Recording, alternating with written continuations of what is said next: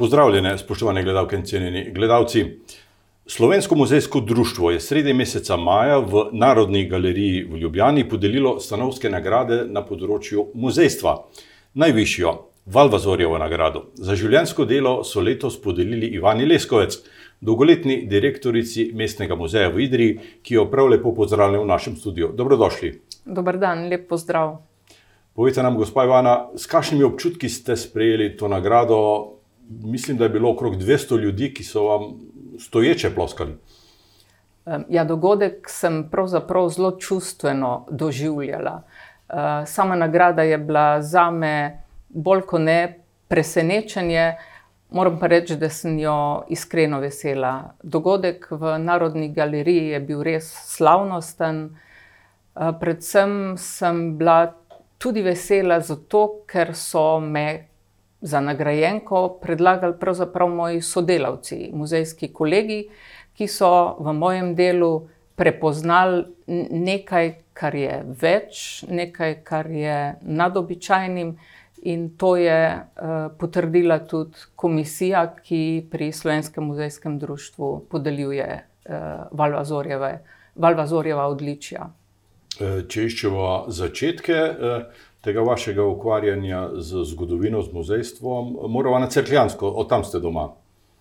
Ja, res je, sem prava crkljanka, rojena v crknem. E, začetki, e, lahko bi rekla, da greva kar v gimnazijska leta. Kot gimnazika sem že takrat sodelovala z muzejem, kot turistična vodička sem delala in obiskovalce vozila v Partizansko bolnico Franjo. Predvsem pa me je na pot muzejstva ali pa vsaj študija etnologije zaneslo leto 1978, poletje. Nekaj gimnazijskih dijakov je kot spremljevalcev eh, sodelovalo pri raziskovalni nalogi študentov etnologije in Slovenskega etnografskega muzeja o partizanskem gospodarstvu ti študenti so takrat živeli v Labinjah, Novakih, Počah, Trebenčeh. In mi, domačini, smo bili njihovi spremljevalci, nekako kontakt s terenom, včasih smo tudi kakšne jezikovne zagate pomagali razrešiti. Um, in do takrat uh, sem bila sveto prepričana, da bom jaz nekoč, ko bom velika matematik, Um, to se je spremenilo um, in uh, moram reči, no, da mi ni žal. Čeprav tudi smisel za matematiko pri vašem kasnejšem delu, direktorice muzeja, najbrž nekaj smisla je pametno imeti. Ne? Mi je prav prišel. študij, študij na filozofski fakulteti, še prej ste končali gimnazijo, videli, potem pa študij na filozofski fakulteti etnologija. In zgodovina. In zgodovina. Ja, po izobrazbi sem univerzitetna diplomirana etnologinja in profesorica zgodovine. E, tam ste si ob zaključku uh, pridobili, so vam podelili študentsko priširno nagrado. To ni kar tako. Ja, pridelala sem si jo. Um, to je bila za svoje diplomsko delo o crkvi in crkljanih v v prvi polovici 20. stoletja, oziroma načneje 1910-1945. Eh, Gre pravzaprav za eno zelo natančno, po drugi strani pa analitično topografsko delo. Obdelala sem vse crkljanske domačije, vse hiše v crknem, um, se ukvarjala s tem, česa, s čim so se preživljali. Mm, ne vem, kolikšne so bile posesti, poiskala neke specifike, značilnosti eh, domačije oziroma ljudi, ki so izstopali. In, um, no, če danes pogledam, seveda bi marsikaj še drugače naredila, ali pa um, bi bilo marsikaj za dodelati, vendar le za tiste razmere in v tistem času je bila naloga očitno. Um, dobro narejena, za kar sem, kot sem rekla, pridelala si to preširno študentsko nagrado filozofske fakultete. Je pa najbrž naloga kot gradivo, eh, dragocena, še danes. Vsekakor, vsekakor. Jaz sem pri tej nalogi pregledala um, cel kataster, um, številne sodniške zapise, ogromno časopisnih uh, člankov, uh, časopisov, ki so v tistih letih izhajali, tako da predstavlja vir uh, za um, bolj spodobno uh, delo na to temo, komorkoli bi se, kdorkoli bi se tega lotil. Ob tem, moram priznati, sem obdelala tudi številne množico fotografij, starih fotografij, s pomočjo informatorjev identificirala um, različne stavbe, eh, predele crknega, zapisala njihova um, vem, posebnosti. Eh, in uh, te fotografije so bile na ta način potem v muzejski zbirki oziroma v muzejski fototeki tudi natančno dokumentirane. In to je, mm, če lahko navežem, že tisto, kar sem pravzaprav začela potem kot študentka v muzeju tudi delati in kot vem, začetek svoje poklicne, eh, profesionalne poklicne poti, eh, zaznamuje tudi to vrstno delo, delo s fotografijami. To je bilo leta 1984, ste tako oboroženi s tem znanjem, s temi izkušnjami, že prišli kot praktikantka najbrž v mestni muzej v Idrijo. Juri Bavdaš je bil najbrž takrat direktor. Kakšni so spomini na tega enkratnega moža? Juri Bavdaš je bil uh, direktor mestnega muzeja Idrija. Moram reči, da naj ne poti, seveda so se zaradi mojega predhodnega dela uh, že srečevali predtem. Um, ko sem prišla v muzej, sem si rekla, jaz se bom ukvarjala s čipkarstvom. Seveda sem bila etnologinja. To je bila tema, o kateri smo vsi vedeli, da je za Idrijo nekaj posebnega, da pa nimamo prav dosti v roke vzeti. No in um, Juri Bavdaš se na začetku ni čisto strinjal s tem in je rekel, čipke bojo, bojo malo še moje. Pa vendar sta potem sobivala in bila tudi so ustvarjalca vnaprej. Ne? Absolutno, z Bavdažem sva um, lepo sodelovala. Um, marsikdaj je bilo zanimivo, marsikdaj je bilo uznemirljivo, ker je pač bil to gospod uh, s svojim značajem, uh, včasih eksploziven, včasih ležeren, ampak uh, delati z njim v muzeju je bilo prav prijetno. Vsekakor je zaznamoval čas, v katerem je bil vidri kot vodja muzeja, tudi razvil ga je konec koncev do neke mere v času, muzej se je v času njegovega direktorovanja razvil, spremenil. Ja, seveda. Če govorimo recimo tudi o času, ko sem jaz začela kot kustosinja v, v muzeju, um, se pravi, ali pa začetek 80-ih let, je čas, ko se muzej pravzaprav kadrovsko krepi. In to je bilo za časa njegovega ravnateljevanja. Bavdaš je bil še ravnatelj muzeja. Eh, takrat so bili zaposleni prvi kustosi. Ne vem, če se spomnijo eh, kolega Tomaža Pavšiča, Pavšiča um, sama Belka, tudi mojega direktorskega predhodnika. Uh, potem sem bila pa že jaz in potem nekaj časa uh, ni bilo nič, potem pa spet. Po odhodu sama Belka na mesto župana je bil razpis za novega direktorja in ste se prijavili pogumno ali je bilo to pričakovano? Ne pogumno pogumno. Um, takrat sem bila stara še ne 35 let.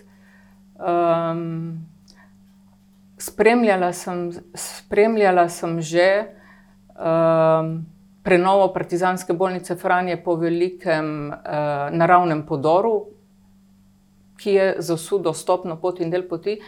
Uh, spoznala sem v bistvu delal na vseh muzejskih objektih, ki jih ni bilo malo, ki jih je bilo takrat v tistem času še bistveno več kot danes.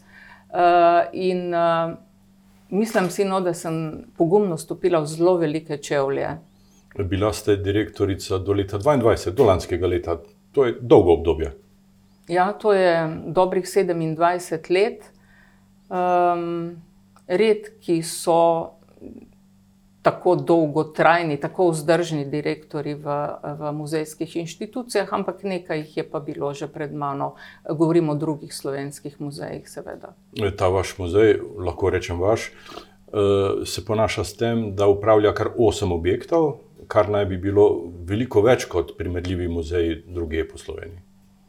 Ja, če smo prav natančni, v tem trenutku je zdaj to sedem objektov. Jašek Frančiške, kjer gostuje muzej z svojim tehničkim oddelkom, pač ni v muzejskem upravljanju, ampak je v upravljanju Cudhageja. Praviloma muzeji sicer upravljajo z muzejskimi zbirkami ali pa muzejskimi razstavami, ki so postavljene v drugih objektih, zelo malo pa je muzejev, ki sami skrbijo za tolikšno količino zgradb, stavb, spomenikov kot Mestni muzej Idrija. In naši spomeniki so, ne vem, na izpostavljenih lokacijah, to ni sredi mesta, to ni urbano okolje. Če se spomnimo Partizanske tiskarne Slovenije, Franje, nenazadnje Bevkove domačije, v smislu upravljanja in vzdrževanja, ne samo izzivi, tudi težave in problemi. Nepoučeni, občani bi pomislili, da v muzeju skrbite samo za vodenje otrok, ko pridejo na majski izlet in se vaše delo konča, to pa je daleč od resnice. Ja, ja, stereotipno vprašanje, ma se bojim, da še še danes kdaj doživimo: "Kaj pa delate pozimi, ko ni turistov, ne?" Omenila sva že en del muzejskega dela, se pravi upravljanje s spomeniki oziroma z objekti nepremične kulturne dediščine. drugo, ki pa je pravzaprav prvo na, na, seznamu muzejskega dela, pa je skrb za premično dediščino. Se pravi zbiranje, hranjenje, varovanje in prezentacija gradiva, premičnega gradiva, predmetov za področja, za katere smo zadolženi oziroma za katere smo pooblaščeni. Pri nas je to, zgodovina, etnologija, likovna umetnost, tehniška dediščina.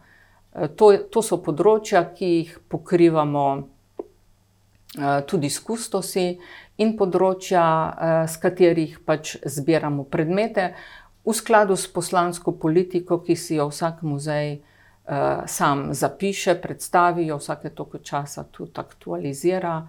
Skratka, naša naloga je ohranjati sledi časa v prostoru, v katerem, živimo in delamo. ko ste omenjali delovna področja, niste omenili arheologije.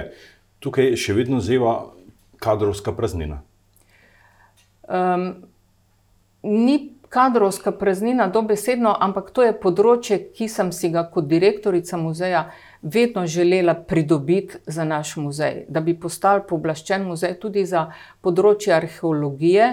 Kajti za teren Idrijskega in Cerkljanskega velja, da je nekako bela lisa v teh arheoloških oziroma v, v pradavnih časih. Vendar, delno je, delno temu botruje dejstvo, da nismo imeli ljudi, nismo, ni bilo strokovnjakov, ki bi ta teren, kontinuirano in strokovno obravnavali. Bili smo, predmet zanimanja, vem, v preteklosti, Avstrije, Dunaja, Italije, ne vem, v zadnjem obdobju seveda se s tem področjem ukvarja na eni strani Narodni muzej Slovenije, vemo, da arheološka dediščina divjih bab spada v njihovo, v njihove zbirke.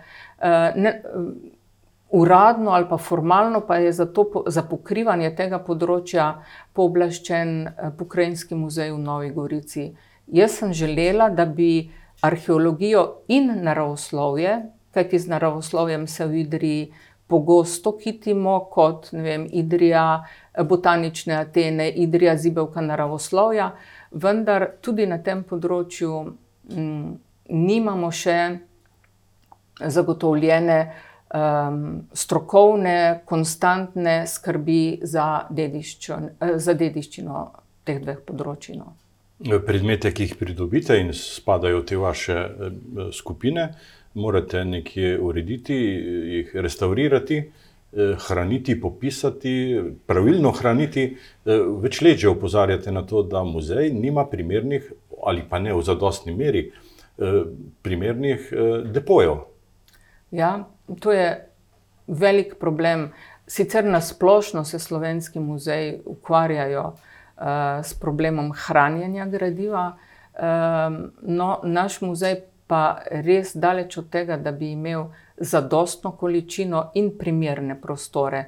Uh, naši depoji so v drugem nadstropju uh, stare osnovne šole, uh, nekaj prostora imamo najetega v samem mestu.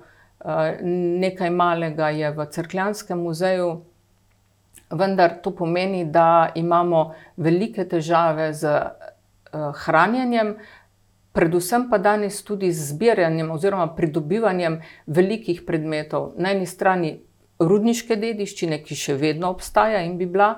Um, za uh, potrebna, da se shrani v muzeju, na drugi strani pa tudi, ne vem, recimo, veliko ki kmečki stroji, naprave, eh, obrtniški stroji, naprave, nekaj, kar se je zdaj z leti pokazalo, da že sodi v muzejske zbirke, pravzaprav tega ne moremo zbirati, ker bi bilo neodgovorno, nimamo prostora, kamor bi to shranili, nimamo prostora, kjer bi potem to v nadaljevanju obdelovali.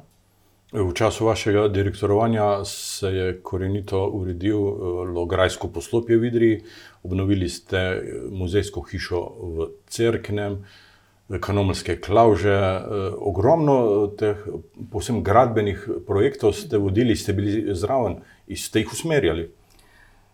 Ja, pri vodenju oziroma pri načrtovanju teh spomeniško-varstvenih del. Moram reči, da mi je bilo veliko pomoč oziroma vodilo uh, stanje, ki sem ga ob zaključku Belkovega direktorovanja uh, podedovala v muzeju. Takrat je namreč v polnem, je bil v polnem teku program, še vedno, uh, ki se je zastavil ob praznovanju 500-letnice Idrije. Idrija je takrat uh, imela uh, veliko potezen in obsežen načrt na področju kulture, kaj vse se bo postorilo. In uh, program um, objektov kulturne dediščine, ki so potrebni obnove, um, oživitve, revitalizacije, je bil takrat narejen in je, in je lepo tekel in z sredstvi Ministrstva za kulturo, občinskimi sredstvi se je to delo, eh, vem, tudi pod mojim direktorjem, moram reči, uspešno nadaljevalo. Sama sem videla potrebo, um, nalogo, cilj, da, da uh, ti spomeniki, za katere smo pravzaprav bili zadolženi kot upravljavci, dobijo um, spodobno, um, spodoben vides in da je predvsem v strokovnem smislu za nje ustrezno poskrbljeno. To pa pomeni ne samo, da so gradbeno obnovljeni, ampak da imajo vso potrebno dokumentacijo, ki jo pač spomeniki potrebujejo. Je pa zanimivo, ko pride obiskovalec na Grajsko dvorišče ali če se sprehodi okrog vaše hiše, muzeja, crkve, stopi v svet glasbe. Ta spoj med glasbo, glasbeno šolo in muzejstvom ste v obeh krajih eh, posrečeno skombinirali. Ne? Ta model je bil, ja, že v preteklosti je pravzaprav obstajal. Um, začetki crkljanske muzejske hiše oziroma crkljanskega muzeja so postavljeni v staro um, osnovno šolo, v, katere je, v katerem je v enem kraku bila tudi glasbena šola. Tudi na gradu je že pred obnovitvenimi deli glasbena šola gostovala v gradu. Uh, in um, model se je izkazal za uspešen, sobivanje za uh, učinkovito, tako da na tem področju pravzaprav nismo izumljali, uh, tople, od, odkrivali tople vode. Eh, Partizanska bolnica Franja je eden od paradnih konjev eh, muzejske stroke, pa ne le v občini, regiji, tudi v Sloveniji, ima zelo velik eh, pomen. Dve veliki naravni nesreči sta jo prizadeli, v obeh je zmagala pravzaprav Franja. Ja, zmagalo je, zmagala je sporočilnost oziroma poslanstvo Franje. Zmagalo je tisto, s čimer se, se je Franja, če smem kar tako nadaljevati, prislužila znak evropske dediščine. To veliko, prestižno, priznanje Evropske skupnosti, ki je pravzaprav v tem prostoru enakovreden UNESCO-vi znački. Namreč um, Franja sama na sebi ni samo um, skup. Uh, ni samo materialna dediščina, niso samo gradbene eh, elementi, niso samo barake, ampak je eh, zgodba o tovarištvu, eh, solidarnosti, eh, kulturni, eh, o multikulturnosti, o toleranci. Eh, in to je tisto, kar, danes, kar je danes naše glavno poslanstvo pri Franji. Seveda ohranjati spomenik, spomeniško uh, varstvene, um, spomeniške lastnosti no, teh objektov, uh, ampak mladim rodovom, uh, tujim obiskovalcem predajati to, kar je Franja dejansko v času druge svetovne vojne pomenila, humanost. In Franja je spomenik humanosti. Franja pa niso samo, kot ste že rekli, samo barake in dostopne poti, gre za uh, širše območje, ki ga je treba umno upravljati, upravljavski načrt. Vi ste izdelali ta dokument v, v muzeju, pa so ga na občini v Cerknem kar nekje založili v enem od predalov. Um, v času, ko se je po tej drugi naravni nesreči, se pravi po povodni leta 2007, Franja obnovila, je zaključek uh, Franje, oziroma zaključek teh obnovitvenih del, uh, je bila tudi izdelava upravljavskega načrta, ki je bil um, za takratne razmere zelo dober dokument, ki je v, vključeval vse bistvene elemente upravljanja. Uh, se pravi, ne samo upravljanje s to materialno dediščino, ampak tudi upravljanje s kadri, s financami, skratka, celokupen predvsem pa upravljanje s turisti, recimo, kar je lahko zelo um, zahtevna uh, naloga, če jih je preveč, če ogrožajo spomenik. Um, no, ta dokument um, je, je čakal ali pa še čaka na občini Cerkno, da se ga na nek način sprejme, potrdi. Danes je sicer najbrž potreben eh, malo aktualizacije, vendar eh, temelji za eh, uspešno ali pa pravilno upravljanje tega spomenika so pa narejeni. Vrsto let ste sodelovali tudi pri zamisli za upis Idrije in dediščine živega srebra na listo svetovne dediščine pri UNESCO. Ta projekt se je uspešno zaključil, izvedel. Eh, veliko ste takrat najbrž spoznali tudi kaj novega. Moram reči, da, je, oziroma, da začetki upisa Idrija na UNESCO seznam segajo že v letu 1994. Že takrat sem sodelovala v sicer takrat zelo oski ekipi ljudi, ki je pripravljala um, upis na poskusni seznam uh, pri UNESCO in Idrija kot rudarsko mesto je bila takrat upisana na poskusni seznam. Eh, kasnejših aktivnosti na tem področju, oziroma v zvezi s tem, v nadaljnih letih ni bilo prav veliko, čeprav občasno smo zmeraj obudili to temo, ampak nekako um, očitno ni bil čas pravi, ni še dozorelo. Uh, ko je pa leta 2006 z Ministrstva za kulturo prišla prva pobuda, da, da je Idrija povabljena na razgovor v Almaden, ker se tudi oni pripravljajo ali pa bi radi upisali na UNESCO seznam, eh, pa je bil očitno čas pravi. Takrat sem bila v tej ekipi pripravljavcev, tako rekoč od začetka do konca. Um, v zadnjem obdobju, tik pred upisom, sem delovno skupino tudi sama vodila, Tudi v nadaljevanju sem um, kot predstavnica muzeja sodelovala v tem upravljavskem telesu, ki je za to potreben. Um, upis na UNESCO seznam je svoje vrstna izkušnja. Za Idrijo je, bil na to, je bilo to na eni strani, um, bom, bi lahko rekla, no, en, relativno enostavno delo. Kajti, uh, na temo zgodovine Idrije, tehniške dediščine, produkcije živega srebra, z vso povezano kulturno dediščino in dejavnostmi v Idriji, je bilo napisano nešteto razprav, poglobljenih razprav, temeljnih študij, tako da je pač ustrezne podatke potrebno samo odbrati in jih zapakirati v, v, na ta prav način in jih odposlati v Pariz. No, ve, veliko večja umetnost, vsaj za nas v Idriji, pa je, bila, je bilo to zapakirati na ta prav način. UNESCO ima seveda svoje propozicije, UNESCO um, ima navodila, uh, kako se to naredi, predvsem pa je potrebno razumeti način funkcioniranja te ogromne inštitucije, in uh, pri tem smo se vsi učili. V izjemno veliko pomoč je bilo sodelovanje ekspertov, prav operativcev, če lahko rečem, z Ministrstva za kulturo, ki so tega seveda nekoliko bolj vešči, kakor mi v Idriji.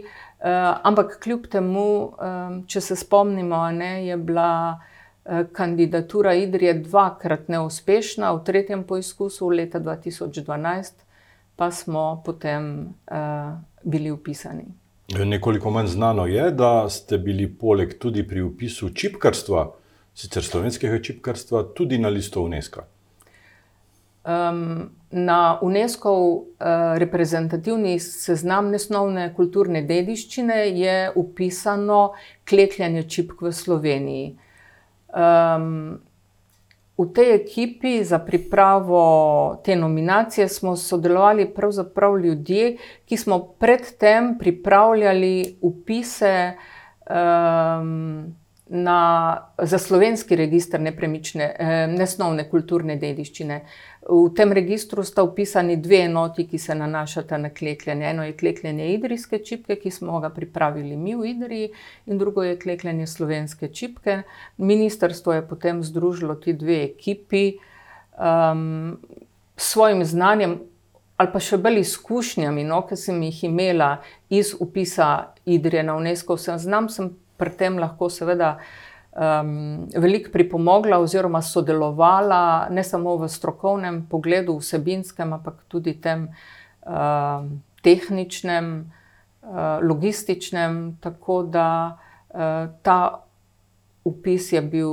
V primerjavi z Idrijo, seveda, bolj enostaven, manj obsežen, je pa zahteval veliko dela, kajti eh, predvsem eh, temelji ta opis uh, na sodelovanju javnosti, na pripadnosti ljudi k tej obrti, znanju, veščini, spretnosti, karkoli pač že opisujemo. In poglavitno je, da um, nosilci teh znanj na terenu uh, sodelujejo, predvsem pa, da so oni tisti, ki ohranjajo to dediščino tam nimamo nobene posebne vloge, ne muzeji, ne šole, ampak so dejansko, poenostavljeno rečeno, naturščiki tisto, tisti, ki so nosilci um, tega opisa. Pomembno vez med eh, občani, med naturščiki, kot ste rekli, in vašim strokovnim delom predstavljajo tudi knjige. V muzeju ste imeli bogato založniško dejavnost, eh, tako knjig, publikacij, kot tudi posebnost v tej zbirki so idrijski razgledi. Ja, če začnem pri idrijskih razgledih, bi rada rekla, da sem ponosna na to, da smo v Idriji uspeli, vsi, ki smo pri idrijskih razgledih delali, vključno s financerji.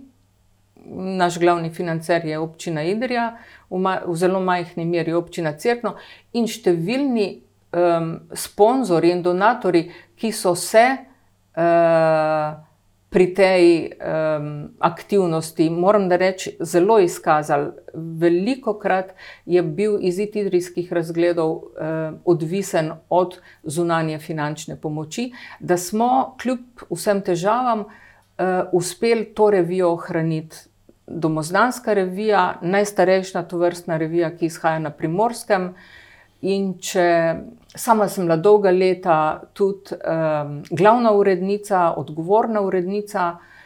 um, skupaj z ekipo drugih urednikov, predvsem pa velikim sodelovanjem in pripravljenostjo ljudi, avtorjev, da pišejo prispevke za idrijske razglede.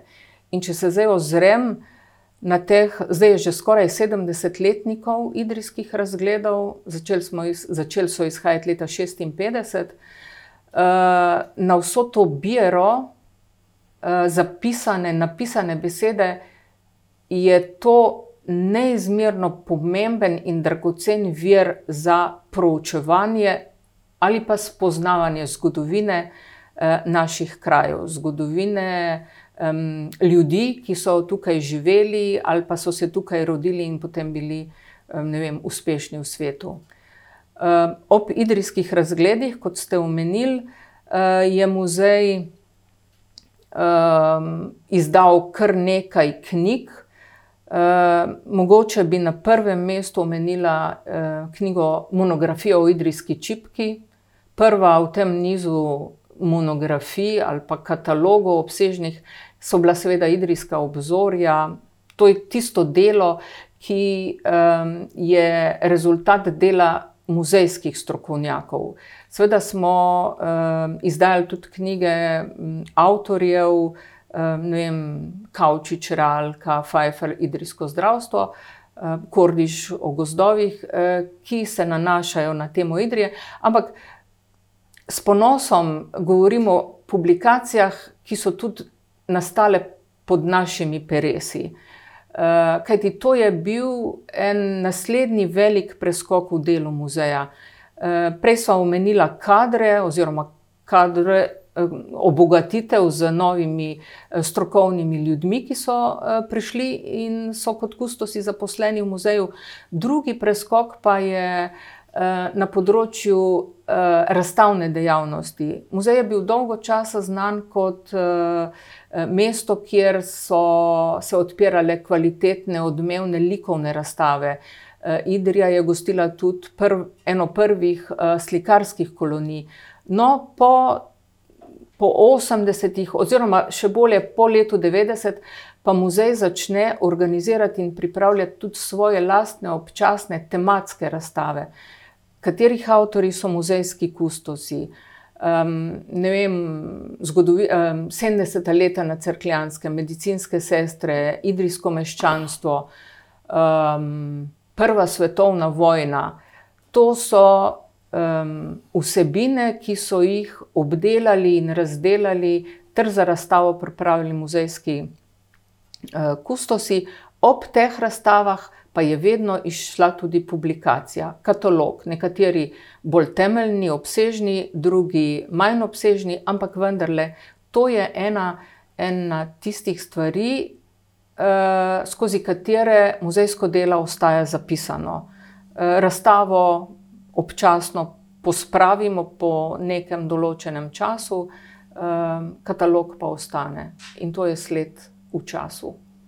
Eh, večkrat ste danes omenili eh, besedno zvezo. Smo naredili, eh, to pomeni, da ste imeli ekipo, da ste imeli sodelavce, da ste ustvarili nek tim, ki se je razumel ne samo strokovno, ampak tudi osebno. Ja, delovno vzdušje v muzeju je prijetno. Sproščeno, sicer na trenutke tudi napeto, roki nas vedno znova lovijo, vendar le kot direktorica muzeja mi je bilo. Kot direktorici muzeja mi je bilo jasno, da posameznik ne pomeni prav dosti. Zato sem pri svojem delu ponosna na to, da sem uspela združevati ljudi, da sem uspela um, oblikovati program, ki smo mu vsi sledili, da sem uspela prisluhniti ljudem, sodelavcem, njihovim željam, potrebam, in smo potem skupaj napisali to zgodbo o 70-letnem muzeju. Muzej letos praznuje 70-letnico, In ne samo to, ponosna sem na to, da je muzej prepoznaven v prostoru, kar smo na nek način seveda dosegli tudi s tem, da smo se mi kot posamezniki, kot kustosi, kot inštitucija odpirali v prostor in povezovali z posameznimi akterji v prostoru, in smo bili odzivni na potrebe tega prostora. Tako da um, to, da muzej deluje kot ekipa, je vsekakor velika prednost. In, da, in v tem kontekstu, seveda, ne morem govoriti, da sem to naredila jaz, ampak to smo naredili mi. Čeprav to nagrado za življenjsko delo so sedaj vaši kolegi podelili vam osebno. Eh, predtem pa eh, je muzej, oziroma ste vi eh, dobili tudi kar še nekaj drugih nagrad. Začenjamo ta spisek s Preširno študentsko nagrado. Leto 97 je bilo zanimivo, ko ste kot muzej dobili in vi ste ga takrat vodili Mikeletijevo nagrado za najboljši evropski muzej na področju tehničnih muzejev. To je bilo takrat kar velik dogodek. Ne? Ja, to je bilo eh, prav za, na, za, na, prav za naš muzej eno veliko eh, spoznanje, kajti mi, torej za to nagrado se je bilo potrebno prijaviti. Eh, prišla je obsežna ocenjevalna komisija strokovnjakov velikih evropskih muzejev. Recimo naš muzej je ocenjeval gospod Wim van der Weyden, ki je bil Eh, takrat direktor enega eh, največjih naravoslovnih muzejev v Evropi, v Leidnu. Um, no, treba je bilo zbrati pogum in reči, mi bomo tudi kandidirali, se, se damo na preizkušnjo.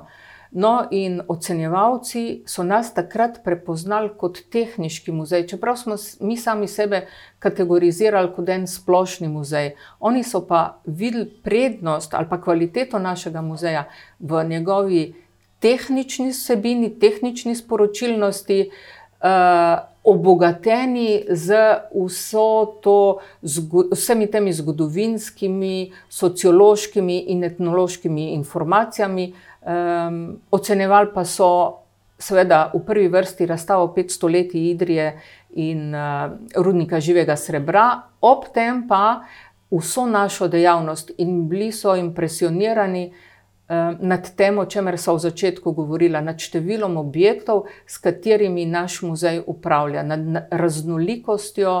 Vsebin, s katerimi se ukvarjamo, in nad številčnostjo dejavnosti, ki jih v v tem muzeju, eh, za ta muzej in za ta prostor muzej prispeva. Letos vam občina Idrija ob eh, dnevu svetega Hacija podeljuje tudi Mrakovo nagrado. To je najvišja občinska nagrada za življensko delo na vašem področju. S kakšnimi občutki jo boste sprejeli? Zahvalo za prepoznano delo in za dodeljeno priznanje. Če pogledamo v prihodnost, eh, kakšni bodo muzeji v prihodnih desetletjih, v prihodnem stoletju, eh, na pohodu je digitalizacija, virtualizacija, bo še kaj ostalo od teh muzejev? Vsi se soočamo um, s časom, v katerem živimo, uh, vsi se sprašujemo, kako z muzejem naprej. Um, seveda, digitalizacija pomeni velik doprinos pri hranjenju dediščine, predvsem eh, premične kulturne dediščine, eh, digitalizacija gradiva, vem, 3D eh, predmeti, ohranjanje vsega tega, in predvsem s tem, ko bomo eh, naše dokumente, zbirke. Eh, fotografije imeli eh, shranjene na eh, nekih diskih, na serverjih, bo seveda poenostavljen dostop javnosti do vsega tega gradiva in povečala se bo varnost za tisto predmetno gradivo, ki ga hranimo, ker ga ne bo treba neprestano pregledovati, premikati. Mnenja pa sem, da muzeja v bodoče eh, samo z virtualnimi ogledi, samo z aplikacijami eh, ne bo mogoče doživeti na način, kot doživljamo danes muzej. Zato bo predmet ostal eh, tista sveta stvar, ki jo vsak muzej ima ali pa nima. Zato je tako zelo pomembno, da kot muzej lahko zbiramo in hranimo predmete. Zato seveda rabimo kot so na začetku ugotovila, kader in prostor. Znanje pa imamo. E, ta izkušnja obiskovalca, turista, da v neposrednji bližini spoznava e, predmet, čuti njegovo zgodovino, e, ta izkušnja je nenadomestljiva v smislu digitalizacije. Najbrž. To je nenadomestljivo. V kombinaciji, da ob tem predmetu spregovori pa še kustos, ki je skrbnik tega predmeta, ki je ta predmet na neko razstavo postavil. Eh, in ga s predmetom povezujejo osebne zgodbe, eh, je, torej ta izkušnja je še nekaj več, oziroma nekaj dodanega. In temu se želimo približati, eh, kljub temu, da nas tehnologija, recimo, želi nadomestiti. Zdi se mi, eh, da v teh 30 in več letih, ko ste hodili v pisarno direktorice muzeja v Idriji, niste hodili v službo ali ste to svoje upravilo razumeli najbrž kot poslanstvo, kot način življenja? Ko sem eh, v Narodni galeriji eh, prevzela Valvazorjevo nagrado za življenjsko delo, sem se Mm, najprej zahvalila res sodelavcem, eh, ki so me predlagali za to nagrado, ker so v tej utemeljitvi ubesedili pravzaprav ne samo 40 let mojega dela, ampak 40 let mojega življenja. To je bilo moje življenje. Ivana Leskovec, eh, čestitam vam za vse te nagrade, čestitam predvsem za poslanstvo, ki ste ga živeli eh, v tem muzeju in za vse rezultate, ki ste jih eh, v tem obdobju dosegli, v, v letih, ko boste sedaj tako v pokoju, pa nekaj več miru in seveda pričakujemo, da boste še zmeraj kritično opazovali svet okrog sebe. O tem ne dvomim, kritična sem bila vedno. Um, do takrat, ko odidem v pokoj, manjka še kakšen dan, ampak kakorkoli veselim se uh, vsakega dne posebej. In uh, vesela sem, da ste uporabili uh, to dikcijo, uh, živela muzej, ne živela za muzejem, živela sem muzej. Hvala za pogovor in za obisk v našem studiu. Hvala tudi vam. Vam, spoštovani gledalci in cenjeni gledalci, pa na svet, če imate čas, pojdite v muzej in do takrat, seveda, srečno.